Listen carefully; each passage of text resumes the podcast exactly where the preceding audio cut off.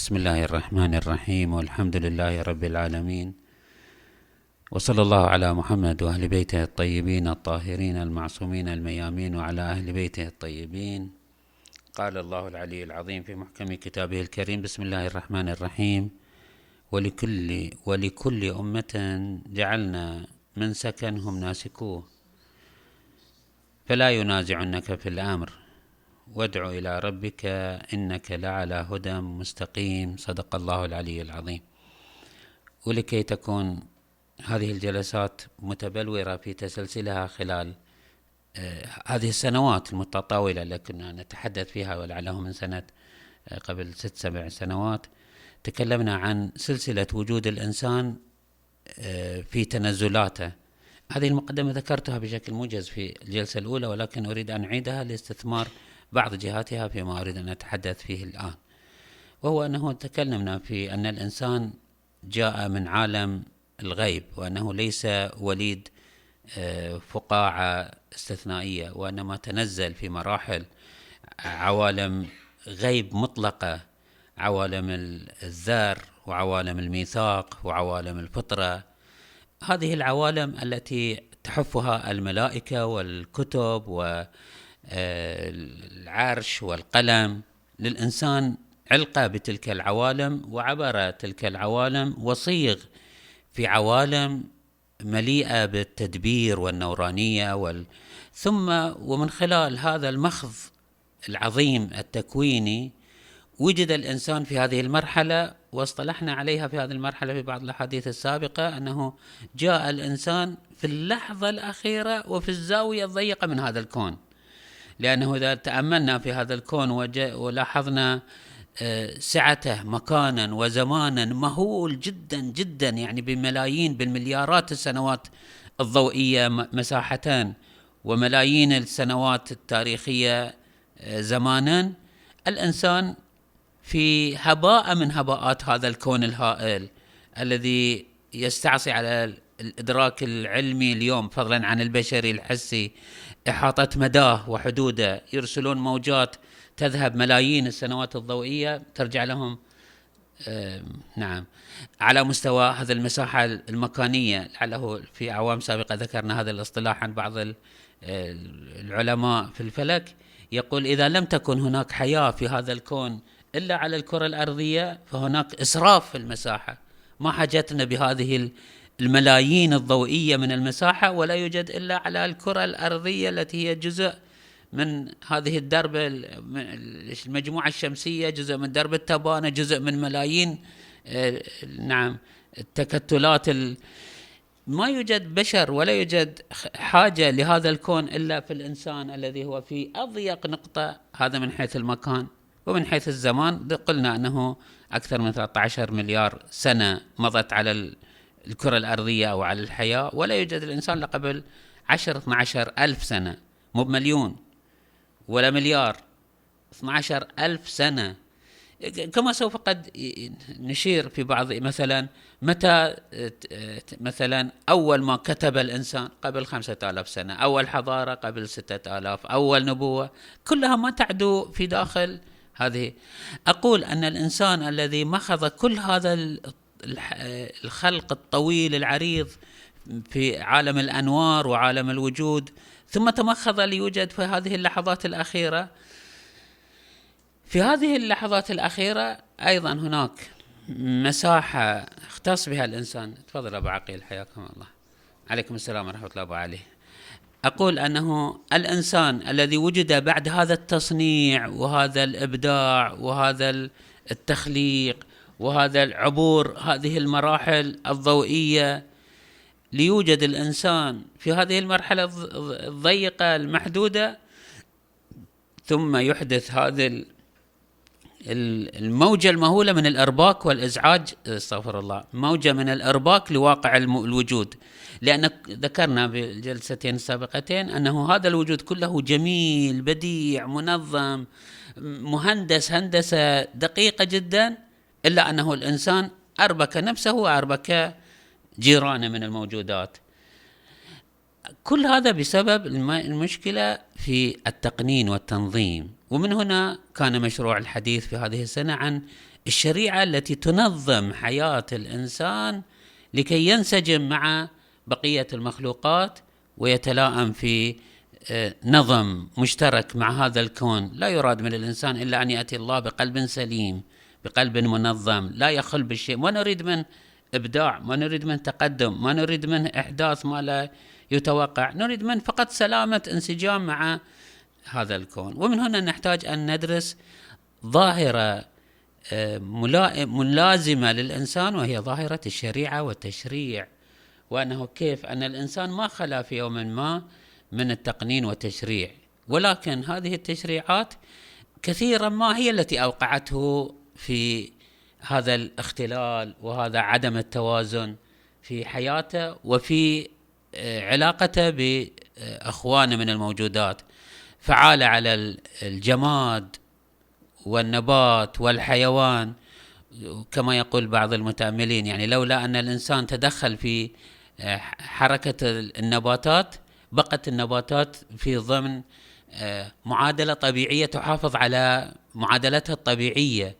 بحيث لا تصاب بخلل. لكن الإنسان أراد أن يعالج ويعدل وينظم فأربك أكثر مما آه، أحسن. على مستوى النبات بل حتى على مستوى الجماد بل حتى على مستوى نفسه اولا. ومن هنا نحتاج أن آه، نستعرض بصورة سريعة وليس غرضنا هو دراسة تخصصية وتفصيلية لطبائع الشرائع والقوانين وما هو الأفضل وكيف وجدت.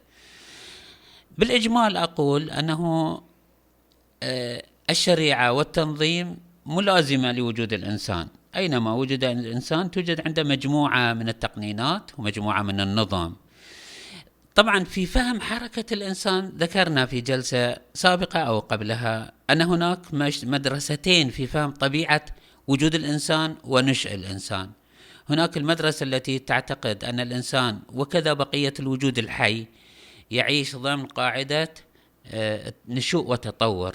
وأنه القواعد الطبيعية وقوانين الفيزياء والكيمياء هي التي تحرك آه، هذا الموجود الحي في نموه وفي تطوره.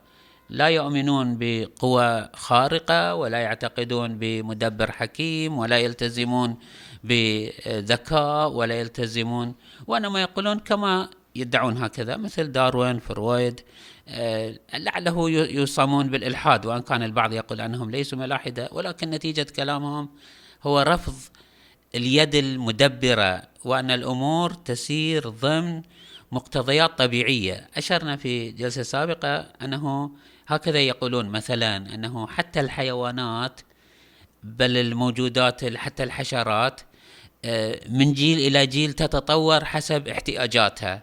ففي البداية كانت الحيوانات مجرد مثلا خلايا بسيطة ثم احتاجت أن تتمدد احتاجت أن تخلق لها أجهزة داخلية من تنفسية وغذائية تطورت حسب طبيعة ال الذي لا يتطور ولا يتحرك تقتله الطبيعة. فإنما تستثني الطبيعة هكذا يقولون. تستثني الأقوى والأقدر والأكثر قابلية على التطور. فيقولون مثلا أنه كان الحيوان قصير صغير ذكرنا هذا النموذج أنهم يقولون أن القنفذ على صغر آه، رقبته إلا أنها تحتوي على سبع فقرات. نفس هذا الحيوان لو دخل في مسار اقتضى منه أن يطول آه، عنقه مثل الزرافة أيضا تنطوي على سبع فقرات. لاحظوا الهيكل العظمي لكل الموجودات. الطائر والثدييات كلها على نفس المنظومة. غرضهم يقولون أن الطبيعة هي التي تسير الإنسان تسير الوجود كله تسير الحياة, الحياة. بناء على هذه النظرة بطبيعة الحال سوف يفهمون التشريعات الموجودة بين الإنسان من هذا المدرسة أيضا. بالمقابل هناك مدرسة التي اصطلحنا عليها أو آه، كما ذكرنا البعض يسميها التصميم الذكي. الآن من هي ما هي الجهة الذكية؟ قلت لكم في جلسة سابقة أنه لعله هناك من أراد أن يحتال على بعض تقنينات العالم الغربي الذي يمنع إقحام العقائد في الدستور والقوانين. فبدل أن يقولون أن هناك خالق قالوا أن هناك تصميم ذكي أن هناك ذكاء خلف هذا الوجود. لا يمكن أن نفهم حركة التكامل لا يمكن أن نفهمها على أنها مجرد آه، ضغوط خارجية تدفع الموجود إلى أن يتكامل. يجب أن يكون هذا التكامل ذكي وبديع. بدليلين إذا تذكرون قلتهما. الأول أن هناك حركات لا يمكن أن تفسر على أنها ضغوط طبيعية مثل التشفير الوراثي مثل الإبداع الكثير في كل الاصعده يعني هذا ما ما نلاحظه في حركة الحيوانات وفي ذكرت لكم أنه فقط راجعوا الأفلام الوثائقية التي تستعرض طبيعة حركة الحيوان بل حتى النباتات في تغذيتها في سحبها للماء. ملايين العطنان تسحبها من الأرض إلى اعالي ضمن هم يفسرونها بأنها الطبيعة. نحن نقول لا يمكن للطبيعة أن تكون بهذا الذكاء وهذا الابداع هذا من جهة. ومن جهة ثانية أيضا نلاحظ أنه ليست كل التطور ليست كل الإبداع في في هذه النشأة ناتجة عن ضغوط بل بعض الأحيان يكون هناك تجانس ذكرته بشكل سريع. مثل ما نجده في جسم المرأة من تهيؤ واستعداد لقبول التفاعل مع جسم الرجل. والعكس صحيح بمعنى أن المرأة تولد الأنثى. الآن ذك إنسانا حيوانا توجد وهي تنطوي على رحم وبويضة وتنزل البويضة لكي ت... ت... هذا الاستعدادات وهذه التطورات ما الذي دعا الجسم الأنثوي والجسم الذكوري كل منهما مستقل؟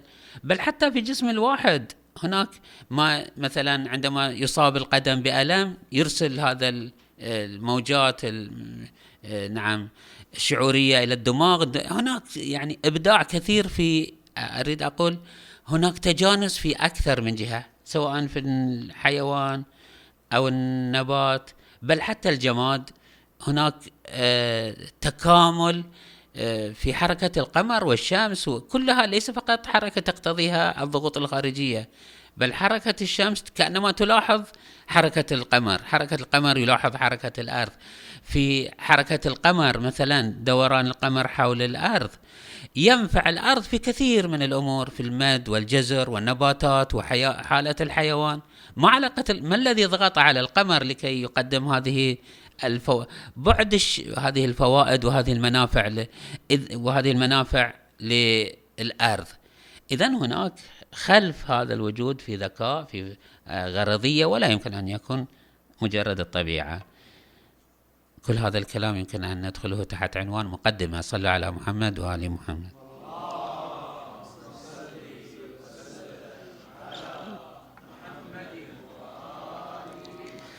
لعل في بعض ما ذكرته مقدار ليس بالقليل من التكرار ولذا نريد أن نستعرض النقاط التي أريد أن أتحدث عنها اليوم بشكل سريع.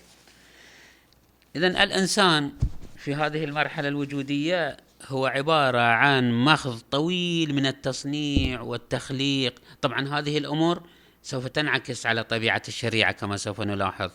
ومجرد أن نفترض أن التشريعات والتقنينات هي تقتضيها الطبيعة لا يمكن أن يكون كذلك. هذا المخض الطويل طبعا لعله بعض الروايات آه، تشير إلى هذا المعنى من أن الإنسان في تكوينه عبر ملايين السنوات مليارات السنوات. لعله في مرات سابقة إذا أحدكم سمع بعض هذه الروايات التي تتكلم مثلا عن نور الرسول صلى الله عليه وآله وأنه كيف تنزل في مراحل التخليق من نور إلى نور وفي كل نور بقى مئة ألف سنة ومليون سنة. لعله إشارة إلى حقيقة هذا التخليق قبل أن يوجد الإنسان في هذه المرحلة. الإنسان في هذه المرحلة يحتاج إلى تقنين ونظام لأنه يمتلك مساحة واسعة من الحركة الاختيارية التي يمكن أن تقوده إلى التكامل والتسامي أو أن تقوده إلى التسافل وأنه ليس هناك حد لهذا التكامل وليس هناك حد لهذا التسافل. هذه الخصائص الثلاث التي يختص بها حركة الإنسان التكاملية دون بقية الموجودات.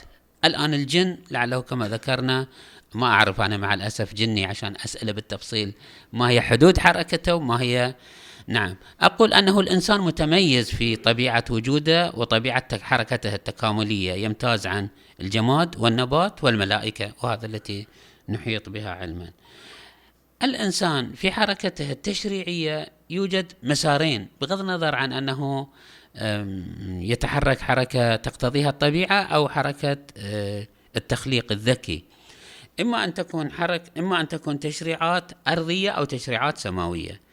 في التشريعات الأرضية إذا لاحظنا الإنسان أينما وجد عنده آداب وسلوكيات والتزامات لا تجبره الطبيعة. يعني الإنسان في بدنه خاضع لقوانين فيزيائية وكيميائية لا يمكنه أن يخرقها كما أشرنا قبل في درس الأمس. الإنسان عندما يسقط من الشاهق فإنه يتجه إلى الأسفل لا يتجه إلى الأعلى هذا تقتضيها المنطق الفيزيائي. ولكن عندما يريد أن يختار يريد أن يختار الخير أو يختار القبيح. هناك آداب والتزامات وتقنينات. هذه التقنينات تارة تكون جعلية أرضية يخلقها الإنسان. وكما أشرت قبل قليل أنه أغلب هذه التقنينات مع الأسف أخذت الإنسان إلى آه، حالة مريرة من القتال والاختلاف. حتى يعبر عنها القرآن الكريم بأنها آثار وأغلال. يعني نفس هذه التقنينات التي كما نعيش بعض هذه الآثار والأغلال إلى يومنا هذا. نحن نضع في لاحظوا المسلمون الملتزمون بالشريعة الحقة يقحمون فيها بعض تقنيناتهم الخاصة وآدابهم الخاصة. فنحن نلزم أنفسنا بكثير من الالتزامات التي توقع علينا أصر وأغلال. فكيف بذاك الإنسان الذي لم تخدمه الشريعة الحقة؟ ذاك الإنسان الذي عاش مثلا آه، قبل المسيحية وقبل اليهودية وقبل الملل الصالحة كيف كان يعيش؟ آه، كثير من القوانين توجد عند الإنسان وتضع على الإنسان آثار قيود وأغلال تغل إلى آه، الأرض. عندما ندرس حركة الإنسان بناء على الدراسات العلمية بعيد عن آه، الخلفية الدينية أول وأقدم تقنين مسجل مشهور عند المشهور البعض يخالف يقول هناك ما هو أقدم منه أول تقنين آه، وصل إلى الإنسان اليوم الباحث عن التقنينات هو تقنين حمورابي في العراق الدولة الأشورية لعله في آه، قبل 1700 سنة من الميلاد. بالضبط هكذا يقولون آه، إذا لم يكن نعم 1792 قبل الميلاد قبل المسيح عليه السلام. وجدوا قطعة حجرية مسجل فيها مجموعة من التقنينات. لعله 282 بند قانوني. وهذا يعتبر أول حالة تقنينية وجدت في حياة الإنسان. طبعا نحن نعتقد أن آدم هذا بناء على آه، المسار الطبيعي بناء على كلام الطبيعيين أما بناء على مبانينا نحن نعتقد أن آدم عليه أفضل الصلاة والسلام الذي هو آه، نخبة الله وهو آه، نعم. خيرة الله ليس خيرة الله. هو آه، صفوة الله. نعم. كنت أبحث عن هذه العبارة غابت عن ذهني. هو صفوة الله. هذا الموجود أيضا عنده التزامات وضوابط تقنينية. طبعا بحسب البدائية في حياة الإنسان. ما كان هناك إنسان آه، متعدد الأفراد ولا يوجد عندهم صفقات تجارية وإنما في حدود الخلقة الإلهية هكذا مبانينا نحن. نعتقد أن آدم عنده لكن بناء على الفهم المادي للدراسات الحديثة يقولون أنه أول تشريع وقفنا عليه هو تشريع حمورابي تقريبا. هذا حسب المشهور عندهم. وأنه هذه التشريعات كانت مجرد خطوط عريضة وهي أول قوانين مكتوبة في تاريخ الإنسان. ثم آه، وجدت تقنينات ولكن أشهرها طبعا أنا لن أنا ما قمت بدراسة تفصيلية للقانون الأرضي في تاريخ الإنسان وكيف تولدت هذه القوانين ولكن أريد أوقع في أنفس المتح... المتح... أوقع في أنفسنا فهم أنه هناك مرافقة وملازمة بين الإنسان والتقنينات، دائما أينما وجد الإنسان توجد حالة من الشرائع والتقنين والنظم. تقصد وتهدف إلى المحافظة على البيئة الإنسانية لكي تأخذ بيده إلى كماله كما هو بقية الموجودات. في لعله في آه، نعم السنوات ما قبل الأخيرة لعله في سنة 450 قبل الميلاد أيضا. يعني هالكلام بعد ألف سنة أو أكثر 1200 سنة من حمورابي. وضع قانون سمي بالقوانين الرومانية. المجتمع الروماني كان مجتمع طبقي هناك أشراف وهناك آه، أراذل من الناس. الأراذل آه، هكذا يعني يفترض أنهم الإنسان إنسان عندنا بناء على مبانينا ما في شريف ورذيل إلا بالأخلاق. أقول أنه في تلك في مرحلة في عام 1400 ألف نعم عام 448 يقولون 47 انتفض هؤلاء المجاميع الكثيرة على الأشراف وطالبوهم لأن كانوا الأشراف يضعون قانون شفوي وليس مكتوب. ثم يفسرون هذا القانون وهذه مشكلة الإنسان في كل في كل التاريخ. يفسرون القوانين بحسب مصالحهم فطالبوا عموم الناس أن تكتب هذه القوانين. فكتبت هذه القوانين ضمن 12 آه، بند. 12 لوح من الألواح في الحقيقة. ولكن غالب هذه القوانين كانت فضفاضة وعامة كطبيعة أي فكر بشري يريد أن يعالج شيئا يعالجه بالإجمال في البداية ثم ينضج آه، فترة بعد. كتبت هذه القوانين ضمن 12 لوح تقنيني عام 1450 قبل الميلاد. قبل الميلاد عليه السلام قبل ميلاد المسيح عليه السلام. هذه القوانين بقيت ردحا طويلا وتدخلت فيها المسيحية بعد دخول المسيحية. سوف نتحدث في الجلسة اللاحقة إن شاء الله عن آه، القوانين الشرائع السماوية الآن نحن نتحدث عن الشرائع الأرضية. هذه القوانين الرومانية بقت مع بعض التعديلات والتحسينات خلال سنوات كثيرة. طبعا هذه القوانين آه، سجلت في روما في إيطاليا وعبارة عن 12 لوح. آه، وهي تعالج عليكم السلام ورحمة الله. حياكم الله. تفضل. نعم. وهي تعالج غالبا في آه، بعض الأحوال المدنية والقوانين الجنائية وبعض المسائل الحقوقية. سوف نشير بعد في أثناء مطاوي الأحاديث القادمة عن الفرق بين هذه الآفاق من التقنينات. في هذه القوانين الرومانية بدأوا نوعا ما يميزون بين السلطة التشريعية والسلطة القضائية والسلطة التنفيذية. من تلك الأيام ابتدأت هذه الخطوط بشكل مجمل وعام.